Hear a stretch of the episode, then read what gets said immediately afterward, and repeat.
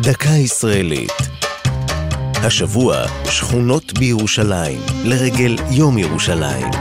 והפעם, קטמון גונן. שנים רבות בטרם הפכה קבוצת הפועל קטמון לסמל השכונה, הייתה קטמון שכונה ערבית עשירה, שאדמותיה נקנו בתחילת המאה ה-20 מהפטריארכיה היוונית-אורתודוקסית. מקור השם הוא בצירוף קטמוניס, שפירושו ביוונית מתחת למנזר. המנזר הוא מנזר סן סימון, הניצב בלב השכונה, והוא נקרא על שם שמעון הקדוש, מראשוני מאמיניו של ישו. במלחמת העצמאות, רוב תושביה הערבים של קטמון נטשוה בעקבות פיצוץ מלון סמירמיס בידי ההגנה בינואר 1948. פיצוץ שבו נהרגו 26 בני אדם. הפיצוץ אירע עקב זיהויו, השגוי כנראה, של המלון כמפקדת ארגון נוער צבאי ערבי. הפלמ"ח כבש את המנזר במבצע יבוסי.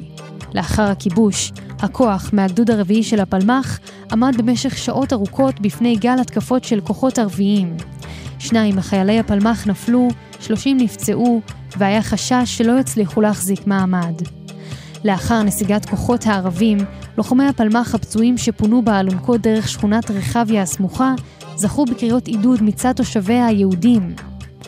בתחילת שנות החמישים, החלו להיבנות מדרום לשכונה, שזכתה לשם העברי, גונן, שיכונים לעולים חדשים. השיכונים כונו הקטמונים, הם מרכיבים שמונה תת-שכונות. זו הייתה דקה ישראלית על שכונות בירושלים וקטמון גונן. כתבה עמליה נוימן, ייעוץ הפרופסור יואב גלבר, הגישה נועם גולדברג.